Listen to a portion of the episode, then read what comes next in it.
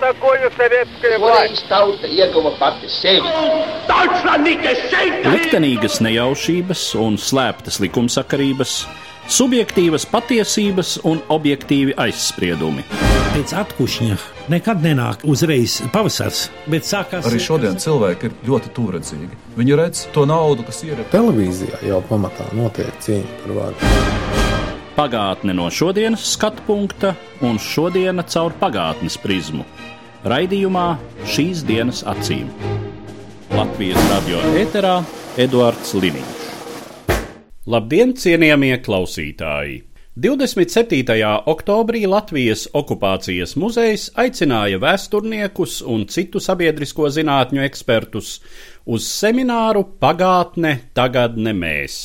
Semināra tēma - Latvijas totalitārā pagātne šodienas sabiedrības uztverē. Šodien piedāvāju jūsu uzmanībai divus no seminārā izskanējušajiem ziņojumiem. Vispirms vēstures skolotājas Dzintras Liepiņas vēstījums par okupācijas tēmu Latvijas skolu programmās. Vēstures izglītībā, kā jūs visi noteikti esat pamanījuši, ir piedzīvojusi pamatīgas pārmaiņas kopš Latvijas neatkarības atjaunošanas. Tās ir gan saturiskas izmaiņas, bez šaubām, gan arī mācīšanas maiņa no faktu apguves uz tādu izglītību, kas balstīta uz prasmēm un iemaņām pa šiem gadiem ir tapusi pilnīgi jauna mācību līdzekļu paudze. Ne tikai jaunas mācību grāmatas, bet arī jau digitāli mācību līdzekļi. Nodarbības skolās, stundas skolās ir kļuvušas interaktīvas, kurās vairāk tiek iesaistīti skolēni paši. Un tāpat tiek izmantotas dažādas tehnoloģijas, tas, protams, pēc skolu iespējām to, ko mēs mācām skolā par okupāciju un ko mēs mācām vispār vēsturē, protams, nosaka valsts likumdošana. Un kā augstākais likums, protams, izglītības likums, bet konkrēti mācību priekšmetā mums ir mācību priekšmeta standarts. Un, balstoties uz šo standartu, tad tiek izstrādāts arī mācību priekšmetu programmas. Programmas paraugu piedāvā valsts izglītības satura centrs, bet arī skolotājiem pašiem ir tiesības izstrādāt savas programmas un iesniegt apstiprināšanai. Nu, un, ja mēs raugāmies tieši uz okupācijas tēmu, tad saturiski vēstures standartā pamatskolai kur ir divi vēstures priekšmeti mums kopš 2011. gada. Šis saturs ir uh, aprakstīts ļoti konkrēti un ļoti īsi. Standarta uzdevums nav skaidrot, ko detaļās būtu jāmāc par attiecīgo tēmu, bet standarts pamatā noformulē galvenos principus, galvenās satura tēmas vēstures mācīšanā. Paredzēts gan, ko skolēnam ir jāapgūst zināšanu jomā un izpratnes jomā, gan kādas vēstures interpretēšanas prasmes viņam ir jāapgūst, un viņam ir jājūt sevi arī kā vēstures procesa dalībnieku. 9. klasē, kur pamatskolā mācās 20. Eh, gadsimta vēsturi okupācijas tematikā, ja mēs tā paskaitām pēc šīs programmas, tad uh, mēs redzam, ka ir paredzēti 52% no kopējā stundu skaita 9. klasē. Ja runājam par to, kas eh, skolotājiem ir nodrošināts, lai viņš varētu mācīt, Šobrīd ir mācību grāmatas ļoti faktoloģiski labas un arī piedāvā ļoti daudz dažādu veidu vēstures avotus. Autora teksti ir salīdzinoši maz, bet daudz ir avotu un uz šiem avotiem balstīt uzdevumu, lai skolēni paši varētu šos uzdevumus veicot, izdarīt secinājumus un uh, argumentēt arī savas atbildes par šiem jautājumiem. Pamatskolai vēstures grāmatas ir arī tulkotas krievu valodā, lai skolās ar krievu mācību valodu tās varētu izmantot. Pati jaunākā mācību grāmata 9. klasē tikko, tikko ir iznākusi izdevniecībā Zvaigznes ABC. Un vēl var pieminēt, ka klāt arī darba būrnīcas. Tātad iespēja strādāt skolēnam stundās uh, un arī mājās ar vēstures jautājumiem ir ļoti lielas. Un arī izdevniecība Raka piedāvā savas mācību grāmatas. Vidusskolā skolēni vēlreiz apgūst, uh, ja mēs chronoloģiski skatāmies, ja šo 20. gadsimta posmu Un tas pamatā ir 12. klasē, un šeit jau tiek paplašināts skolēnu prasmes tieši vēstures jautājumu apguvē. Šeit tieši uzmanība tiek pievērsta skolēnu prasmei analizēt informāciju, lietot dažādus vēstures avotus, kritiski izvērtēt informāciju un beig beigās arī izdarīt savus secinājumus un spēt pamatot savu viedokli vai mutiski vai argumentētu pārspriedumu formā. 9. klases beidzot skolēnu kārtu obligātu eksāmenu Latvijas vēsturē, vidusskolu beidzot skolēniem eksāmenis vēsturē ir izvēles eksāmenis. Un arī vidusskolai, protams, mācība literatūra ir un ļoti mūsdienīga, un arī tiek piedāvāts ne tikai mācību grāmatas, bet arī tiek piedāvāts praktikums. Protams, vēl skolotāja rīcībā ir muzeja, skolotāja rīcībā ir izstādes, skolotāja rīcībā ir ļoti daudz dažādu materiālu bet tā skolotāja rīcības telpa, protams, tiek ietekmēta no dažādiem apstākļiem un dažādiem momentiem. Sāksim ar to, kā skolotāja rīcības telpu ietekmē izglītības struktūras. Tas ir likumdošana, nu, standarts, mācību grāmatas, arī skolas prasības, kas tiek izvirzītas vēstures mācīšanai. Skolotāja rīcības telpa nereti mazliet ierobežo skolēni konkrētie, kas viņam ir klasē, ko viņi spēj cik viņi zina jau iepriekš un ko viņi var izdarīt. Skolotāja rīcības telpu nosaka arī viņa sagatavotība, cik zinošs viņš pats ir gan vēstures, gan pedagoģijas jautājumos, kāda ir viņa personiskā nostāja, viņa pieredze. Nu, ļoti nozīmīgs ir arī sociālais un politiskais konteksts skolotāja darbā. Nereti tas tieši padara skolotāju darbu diezgan nervozu. Un arī mācot tēmu par okupācijas vēsturi. Pirmā problēma, kā vēstures kurs pamatskolā ir sašķelts. Kopš 2011. gada pamatskolā tiek mācīta pasaules vēsture un Latvijas vēsture. Un, ja jūs paskatāties uz šo stundu skaitu, kas tam ir paredzēts, tad mācību gadā ir 70 stundas. Tur es arī reāli skolā strādājot, pateikšu, ka tās visas jau nenotiek, visas 70, jo tāpat ir dažādi pasākumi vai arī vienkārši ieskaits, kur dēļ visas 70 stundas skolotājs eh, nevar izmantot kā kontaktstundas darbā ar bērniem. Un tātad, ja ir divi mācību priekšmeti, šis esošais stundu skaits ir sadalīts uz pusēm. Tātad mācību gadā 35 stundas Latvijas vēsturē, 35 pasaules vēsturē. Ja mēs tagad padomājam, tie procenti okupācijas tēmai 52, ko mēs saskaitījām paraugu programmā, tad reāli tas stundu skaits nemaz tik liels nav. Un skolotājiem ir eh, noteikti ļoti jādomā, kura tēma būs eh, vairāk nozīmīga, kurai vairāk laika veltīt, kurai mazāk. Vidusskolā mēs mācām integrēto Latvijas un pasaules vēstures kursus. Tās ir divas mācības stundas nedēļā. Mācību gadā tās ir 70 stundas. Par dalītā vēstures kursu ieviešanu tā vēsture jums arī droši vien jau visiem ir zināma. Sākās 2006. gadā un noslēdzās 2011. gadā ar divu mācību priekšmetu ieviešanu. Un cēloņi, protams, vairāk bija politiski cēloņi. Un, protams, arī tas, kā sabiedrības grupām ir atšķirīga sociālā atmiņa, bet uh, vairāk tomēr toreiz uh, tie bija politiski mērķi, ko izvirzīja politiskie spēki, lai sasniegtu sev vēlamo. Tajā reizē vēstures skolotāju balss izrādījās pārāk vāja, un mums neizdevās pārliecināt uh, sabiedrību par to, ka šis sadalījums Latvijas un pasaules vēsturē uzlabojums vai liels pārmaiņas nenesīs, bet gluži otrādi pat ierobežos skolotāju, jo, piemēram, es arī mācu vēsturi 9. klasē. Un, jā, tad, kad bija integrētais kurs, es varēju pati apmēram noteikt, cik daudz laika es varu veltīt Latvijas vēstures jautājumiem, un noteikums bija ne mazāk kā viena trešo daļu. Tad tagad ir strikti noteikts tikai pusi, jo pusstundu man ir jāparedz pasaules vēsturē, un tas nāk par maz. Jā, es uh, gribu, lai man skolēni tiešām analizētu Latvijas vēstures avotus un nopietni strādātu ar Latvijas vēstures tēmām. Šogad mums vēstures skolotāju biedrība arī bija aptauja par eh, šīs dalītās vēstures rezultātiem. Un uh, dalībnieku skaits bija 272, un pārstāvēt bija gan skolotāji no skolām ar latviešu mācību valodu, gan arī skolotāji, kur mācās skolās ar krievu mācību valodu. Tā kā patiesībā tie uh, rezultāti varētu būt ļoti objektīvi šajā aptaujā. Un, ko tad aptauja parādīs tikai dažus momentus? Ko saka skolotāji, kam stundu skaits tagad ar priekšmetu sadalīšanu izskatās nepietiekoši? 51% atbild kā abiem priekšmetiem. Kāpēc abiem? 6. klasē pietrūkst pasaules vēsturē, 9. klasē pietrūkst Latvijas vēsturē. Tāda bija piezīme. Vai skolēnu orientēšanās kopējā vēstures telpā, kopējā vēstures ainā uzlabojas no šīs priekšmetu sadalīšanas atbilde? Gluži otrādi pasliktinās, kā vairākums aptaujā to atzīst, jo skolēni jauc tagad vēstures notikumus kas ir pasaules vēstures notikumi, kas Latvijas un kas ko ietekmēs. Jo ar šo sadalījumu mēs vairs nevaram mācīt, ja mēs strikt to ievērojam chronoloģiski šo vienu un to pašu laiku posmu Latvijas un pasaules vēsturē vienlaicīgi.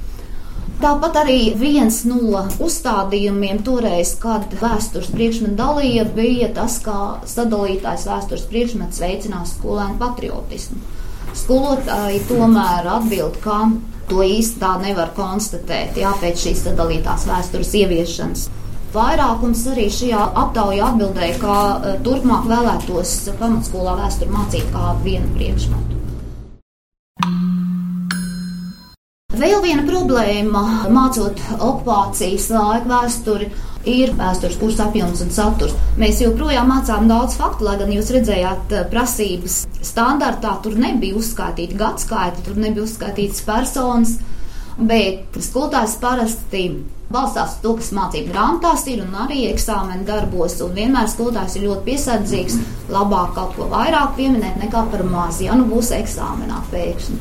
Tāpat arī sabiedrības spiediens uz skolotājiem, šīs intervijas uz ielām pirms valsts svētkiem un atceres dienām, vai skolēni zina, kāpēc Latvijas diena ir Latvijas diena un tā tālāk. Tas skolotājs vienmēr tur stresā. Tāpat arī sabiedrības neusticība, vai tik skolās ar krievu mācību valodu mācīja īsto Latvijas vēsturi. Tāpat arī ir jautājums par to, cik liela daļa no vecmāmiņu un ģimenes atmiņu stāstiem un emocijām par pārdzīvoto ir iekļaujama skolas vēstures stundās. Un vai tādā veidā mēs varam panākt vēstures depolitizāciju, un kā tieši šos atmiņu materiālus izmantot, un kā noteikt uh, prioritātes. Tātad Jautājums par vēstures eh, kursu apjomu un saturu joprojām ir atklāts un joprojām šķiet, ka ir par daudz tā faktoloģiskā materiāla. Par atšķirīgo skatījumu uz Latvijas okupācijas vēsturi skolās ar latviešu un skolās ar krievu mācību valodu. Par to daudz tiek emocionāli runāts, maz ir pētījumu, diemžēl. Tas, kas ir skaidrs zināms, tātad mācības notiek pēc vieniem un tiem pašiem standartiem, gan latviešu skolās, gan skolās ar krievu mācību valodu. Mācību grāmatas ir vienas un tās pašas un pamatskolā tūkots Krievu valodā, vidusskolā gan vairs ne. Par mācību valodu jautājums, jo ļoti daudzas skolas ar krievu mācību valodu saka, ka viņi māca vēsturi latviešu valodā. Taču reāli arī man pašai ir bijusi situācija, kad esot uh, skolā, kurā mācības notiek krievu valodā, prezentācijas skolēniem ir uh, sagatavotas latviešu valodā, bet sarunu klasē notiek krievu valodā. Ja? Tā tad uh, būtībā māca bilingvāli vai arī varbūt tikai krievu valodā grūti to pateikt. Diviem pētījumiem es mazliet pievērsīšu uzmanību. Tas ir Soros fonda atbalstītājs pētījums, kas notika 2008. un 2009. gadā, kur notika anketēšana astoņās skolās, četrās ar latviešu, četrās ar krievu mācību valodu. Un piedalījās diezgan liels skaits respondentu, veseli 412 klases skolēnu. Bet šis pētījums vairāk parāda mācīšanas rezultātus. Un tie secinājumi nav pārsteidzoši, ka faktu zināšanu jomā latviešu skolēni un skolēni ar krievu mācību valodu apmēram vienādi zina šos faktus. Bet viedokļi par vēsturi, protams, atšķiras. Un šīs atšķirības ir saistītas ar PSRS ietekmi uz Latvijas vēsturi galvenokārt. Par otro pasaules karu ir atšķirīgi vērtējumi, ir vainīgo meklēšana ārpus savas tautas, interesē par skolotāju stāstījumu, un abās grupās mazāk interesē mācību grāmatas, bet tas, starp citu, tiešām arī viens simptoms, par kuru varbūt būtu vērts domāt, jo gan latviešu, gan krievu skolēni novērtē mācību grāmatas kā sarežģītas, un skolotāji arī tāpat. Ļoti liela ietekme ir tuvinieku stāstījumiem uz vēstures priekšstatu veidošanu, mazākā ir presē, internetam, radio. Bet uh, ideja tāda šajā pētījumā arī izteikt, ka varbūt vajadzētu domāt par to, ka arī vidusskolai vajadzētu mācīt grāmatas Krievu valodā. par Latvijas vēsturi. Otrs pētījums ir gluži zvaigznes pētījums, un es ļoti priecājos, ka autori man to uzticēja. Tas ir uh, Alises Krastiņas maģistra darbs Kultūras sociālās antropoloģijas studiju programmā, kur Alise strādāja divās skolās. Viņa veica novērojumus, nevis tā kā iepriekšējā pētījumā, kur bija tikai anketēšana, bet šeit bija arī novērojums klātbūtne stundās, stundu ieraksti un intervijas ar skolāniem un diskusijas ar fokus grupas skolāniem. Un tātad viena skola bija skola ar latviešu mācību valodu, otra skola bija skola ar krievu mācību valodu, un Alis pētīja, kā tad veidojas šī sociāla atmiņa par padomi laiku Latvijas vēsturē. Un eh, kādi ir uh, viņas secinājumi īsumā? Pirmkārt, jau skolotāja izpratne par to, kas ir objektīva vēsture, diezgan spēcīgi atšķiras. Skolā ar latviešu mācību valodu skolotāja pilnīgi pārliecinoši uzskatīja, ka atmiņu stāsti ir uh, ļoti nozīmīgi objektīvās vēstures mācīšanā. Tāpat dažādi pierādījumi no vēstures un viņas pašas personīgā pieredze, un kā darba autori uzsver, tad ļoti liela pārliecība par to, kā vislabāk mācām pareizā vēsture. Skolā ar krievu mācību valodu savukārt bijusi jūtama tāda ļoti liela piesardzība, jo skolotāja jau uzreiz ir uzsvērusi, ka jāmāc tikai tā sauktā oficiālā vēsture un autobiogrāfiskie un atmiņu stāsti nav jāizmanto mācot eh, šo padomu periodu. Arī eh, notikuma izvēle, kuras eh, skolotājs izvēlējās, lai par šo periodu mācītu, un kā jūs saprotat, standartā nav uzskaitīts, kas obligāti skolotājiem ir jāmācās. Ja viņš var brīvāk izvēlēties, kuras notikumus viņš akcentē vairāk. Mācību grāmatā, protams, faktu materiālu un informācijas ir ļoti daudz. Tad eh, skolā ar latviešu mācību valodu skolotāji ir ļoti akcentējusi Latvijas okupāciju. Un arī, kas īpaši tika atzīmēts darbā, uzsverot, ka Latvija tika okupēta, nevis anektēta, un ka atšķirīgi uzskati ir jāuzlūko kā nepareizi. Tā tad tāda ļoti kategoriska nostāja. Tāpat eh, ļoti akcentētas padomu deportācijas, kur izmantot okupācijas muzeja filmu. Un tad noslēgumā ir pašu skolēnu ģimeņu atmiņu stāsti izmantoti. Un skolotājas pašas personīgā pieredze. Savukārt, eh, skolā ar krievu mācību valodu skolotāja lielākoties ir balstījusies uz mācību grāmatu. Un uh, vairāk uzmanību pievērsus tieši ekonomiskai vēsturē, politiskās situācijas skaidrojumam, saistībā ar eh, politiskajām pārmaiņām un ideoloģiskajām izmaiņām. Viņa ir eh, mēģinājusi skaidrot, pamatot eh, krievalodīgo iedzīvotāju nonākšanu un atrašanos Latvijā. Un arī pati skolotāja ir bijusi krievtautības skolotāja. Mācību grāmata ir izmantota un notikumi ir ņemti no tās, bet tulkot krievu valodā, lai skolēniem būtu saprotamāk. Man pašai interesantākais bija lasīt šajā pētījumā par jauniešu pašu reakciju. Skolā latviešu mācību valodu autori ir novērojis, ka jaunieši ļoti atbalstīja skolotājas eh, stāstījumu un bija atsaucīgi diskusijās un pārunās. Skolā krievu mācību valodu tik liela aktivitāte nav bijusi, bet kas ir interesanti bijis, ka skolēni ir oponējuši skolotājai, kā viņa šo oficiālo vēsturi traktē kā objektīvu, bet autobiogrāfisko stāstus tā kā nevēlas eh, iekļaut stundā. Un tāpat arī šajās diskusijās, kas notika pēc stundām, skolēni no skolas ar krievu mācību valodu ir uzsvēruši, ka viņi ļoti gribētu, lai stundās tiktu iekļauti šie autobiogrāfiskie stāsti. Jo viņi mājās šā vai tā tomēr runā par šo pagātni un ģimenēm informācija par to ir. Nobeigumā Autori secina, ka to, kādēļ šīs sociālās atmiņas atšķiras, protams, ietekmē ļoti dažādi faktori. Dabiski, kā viens no tiem ir kādas prakses pielieto katrs konkrētais vēstures skolotājs savās stundās, bet, protams, arī ir ietekme no ģimenēm, draugiem, medijiem, muzeju apmeklējumiem. Savukārt sociologs Mārtiņš Kaprāns, balstoties plašā un vispusīgā sociālo aptauju materiālā, iepazīstināja auditoriju ar totalitārās pagātnes un okupācijas režīmu uztveri, gan etnolingvistisko, gan vecuma grupu salīdzinošā novērtējumā. Cik okupācijas periods ir aktuāls Latvijas sabiedrībā joprojām, padomju okupācijas periods? Ja mēs skatāmies socioloģiskajās aptaujās, kas ir veikts kopš pagājušās desmitgades vidus, visas aptaujas, izņemot dažas, kuras es atsevišķi pieminēšu, ir reprezentatīvas aptaujas, kuras ir veikusi socioloģiskā kompānija SKDS. Tātad dati ir uzticami un uh, interpretējami socioloģiski. Kā mēs redzam, okupācijas aktualitāte ir palikusi nemainīga, ja mēs ņemam šo atskaites punktu no 2004. gada. No šiem datiem mēs varam secināt, ka krievlodīgo vidu pēdējo desmit gadu laikā padomju okupācijas periods, lai cik tas dīvaini neliktos, ir kļuvis aktuālāks. Lai gan mums liktos, ka krievlodīgo vidū tieši ir šī amnēzijas un aizmirstības tendence izteiktāka. Tas parāda, ka krītās grupa, kas uzskata, ka nav aktuāli par to runāt. Svarīgi pievērst uzmanību, ka krītās tieši šis īpatsvars. Šajā konkrētajā gadījumā mēs varētu runāt par efektiem, kas ir veicinājis to, kāpēc krievlodīgo vidū ir audzis aktualitāte diskutēt par padomju okupāciju.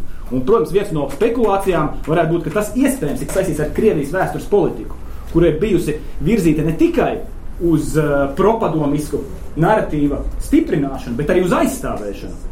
Protams, šeit mēs neredzam lielu kāpienu, bet es vienkārši spekulēju, saku, ka iespējams tas ir veicinājis to apziņu, ka ir jāizstāv, ir jāizstāv propadomiskais narratīvs. Vēl viena nianse, ko mēs runājam par aktualitāti, jāuzsver. Jaunākajā paudzē tas vispār mazāk aktuāls kopumā, tieši spriest par padomu periodu. Un iespējams, mēs varētu spekulēt, ka Krievijas strateģiskais narratīvs attiecībā uz padomu periodu, vai, ja gribat, vēstures politika, vistiešāk rāta tā sauktajā Brežņeva laika paudzē, kurai formatīvais periods bija Brežņeva periods, 70. gadu pamatā. Tur ir visnoteiktākais kāpums bijis attiecībā uz aktualitāti ka tas kļūst ar vien aktuālāk. Par to ir jārunā. Runājot par informētību, mēs kopumā redzam, ka informētības līmenis arī saglabājas nemainīgs. Tāpat kā aktualitāte, informētība par padomu okupācijas periodu. Un šeit es runāju par pašnovērtējumu, protams. Ir svarīgi uzsvērt, ka iespējams Krievijas vēstures politikas kontekstā tas pat ir kaut kādā ziņā vērtējams pozitīvi ka nav būtiski pieaugusi krievlodīgo informētība par šo periodu, jo kopumā jau teiksim, izšķirošos jautājumos tā noslēgšanās ir par labu konkrētām interpretācijām attiecībā uz padomju okupāciju. Par vecumu grupām runājot. Un mēs redzam, ka tieši tur paliek visnoturīgākais, zemākais pašnovērtējums savai informētībai. Tieši jaunākās paudzes atzīst, ka viņas ir visvājāk informētas par okupācijas periodu, par 40. gadu notikumiem. Un tas ir noturīgs. Desmit gadu laikā tas nav mainījies. Runājot par eh, priekšstatiem par padomju okupāciju, daži momenti. Viens eh, šeit mēs redzam attieksmi pret tā saucamo Molotov-Ribbentropa paktu. Šķietams konsens. Liekas, ka plus mīnus eh, abās etnolingvistiskajās grupās vairāk kā puse uzskata, ka Molotov-Ribbentropa pakts ietekmēja Latvijas nokļūšanu PSRS sastāvā.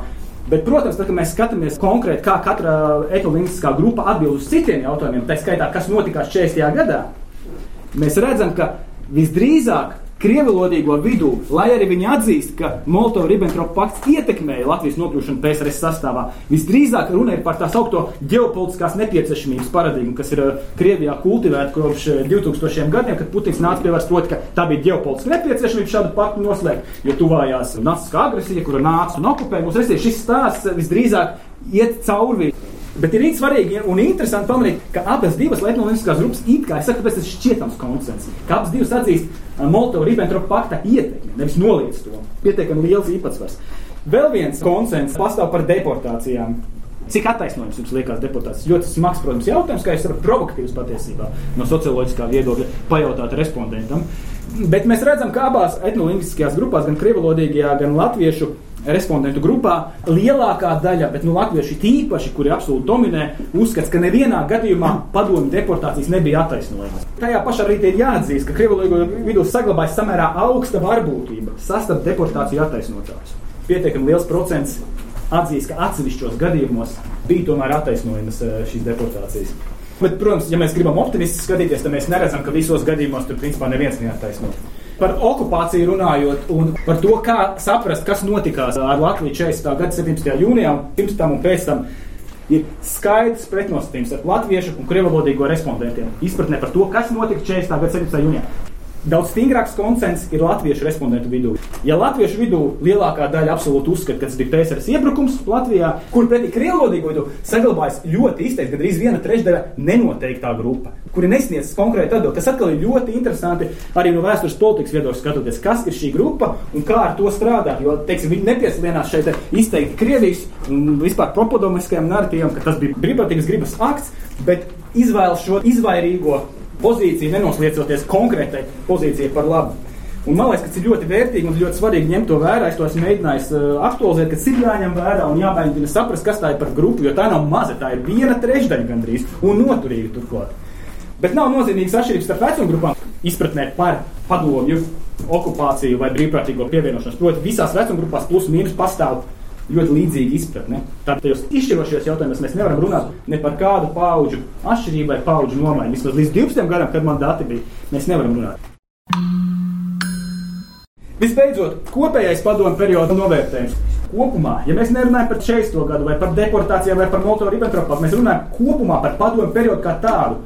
Pieaug pozitīvs vai neitrāls novērtējums un samazinās negatīvs novērtējums padomu periodam Latvijas sabiedrībā. Bet, ja mēs ejam detalizētāk, mēģinām atklāt etnoloģiskā griezumā, kur mēs varam redzēt statistiski nozīmīgas atšķirības.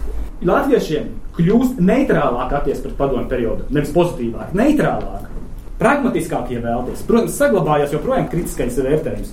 Ja latviešiem tā ir neitrālāka, tad krievlodīgiem savukārt tā ir izteikti vērsta uz pozitīvu padomu periodu novērtējumu. Un atkal nav nozīmīgas atšķirības starp vecuma grupām. Visās vecuma grupās plus mīnus saglabājas līdzīga attieksme. Atkal mēs nevaram runāt par paudžu nošķiršanos vai par paudžu transformāciju, uz ko daudzi cerēja 90. gados, ka paudžu nomaiņa lielā mērā būs panacēja attieksmē pret uh, nedemokrātisko režīmu. Aptauja reprezentatīva, normāla aptauja, 14. gads pagājušā gada dati. Ko mēs redzam? Pozitīvu padomu laiku tēlu visdrīzāk Vismaz no šiem datiem mēs varam secināt, uztur vēlīnā padomju perioda sociālais modelis, izpratni par šo sociālo modeli. Latviešu un krievlodīgu vidū pamatā dominē šī pozitīvā attieksme. Gan šajā gadījumā latviešiem tas nav tik izteikts iepriekšējā par vienlīdzību, ir vairāk raksturīgi, ka padomju režīms, padomju sistēma bija noteikti labāka, ja mēs runājam par vienlīdzīgu iespēju nodrošināšanu. Un savukārt, ja mēs runājam par dzīves kvalitāti vai vispār par kvalitāti kopumā, tad latviešiem tas nav tik izteikti, bet krievlodīgiem ir izteikti, ka padomju sistēma bija labāka, ja runā par dzīves kvalitāti. Un kopumā mēs redzam, ka krievlodīgiem, protams, ir izteikta simpātijas par šo padomju sociālo modeli, piedāvāto. Un lielā mērā, ja mēs mēģinām to vēsturiski kontekstualizēt, tas tā ir runa droši vien par vēlīnā padomju periodu sociālo modeli, nevis par staļinismu sociālo modeli, bet par vēlīno padomju periodu, par brežņevismu un par šo zināmā mērā stagnācijas sociālo stabilitāti piedāvāto. Un šis ir visinteresantākais. Pagājušā gada dati tātad. Jaunākā vecuma grupa, absolūta pēcpadomu paudze jau, kas ir veidojusies pārējais laikā un 2000. gados. Mēs redzam, pirmkārt, ka atšķirībā no visām pārējām vecuma grupām šajā beidzot parādās simpātijas pret uh, kapitalistisko sistēmu vai vismaz to valsts iekārtu, kāda pastāv pašreizējā sistēma Latvijā, iepratiem visiem pārējiem, kur dominē tomēr lielā mērā vairāk vai mazāk pozitīvi attiecas tieši pret padomu periodu, runājot par vienlīdzīgām iespējām. Bet tajā pašā brīdī tiek atražota konfrontācija paudzes ietvaros. Ko mēs no tā saprotam? Ka pat paudzes ietvaros saglabājas etnogrāfiskais šķēlums.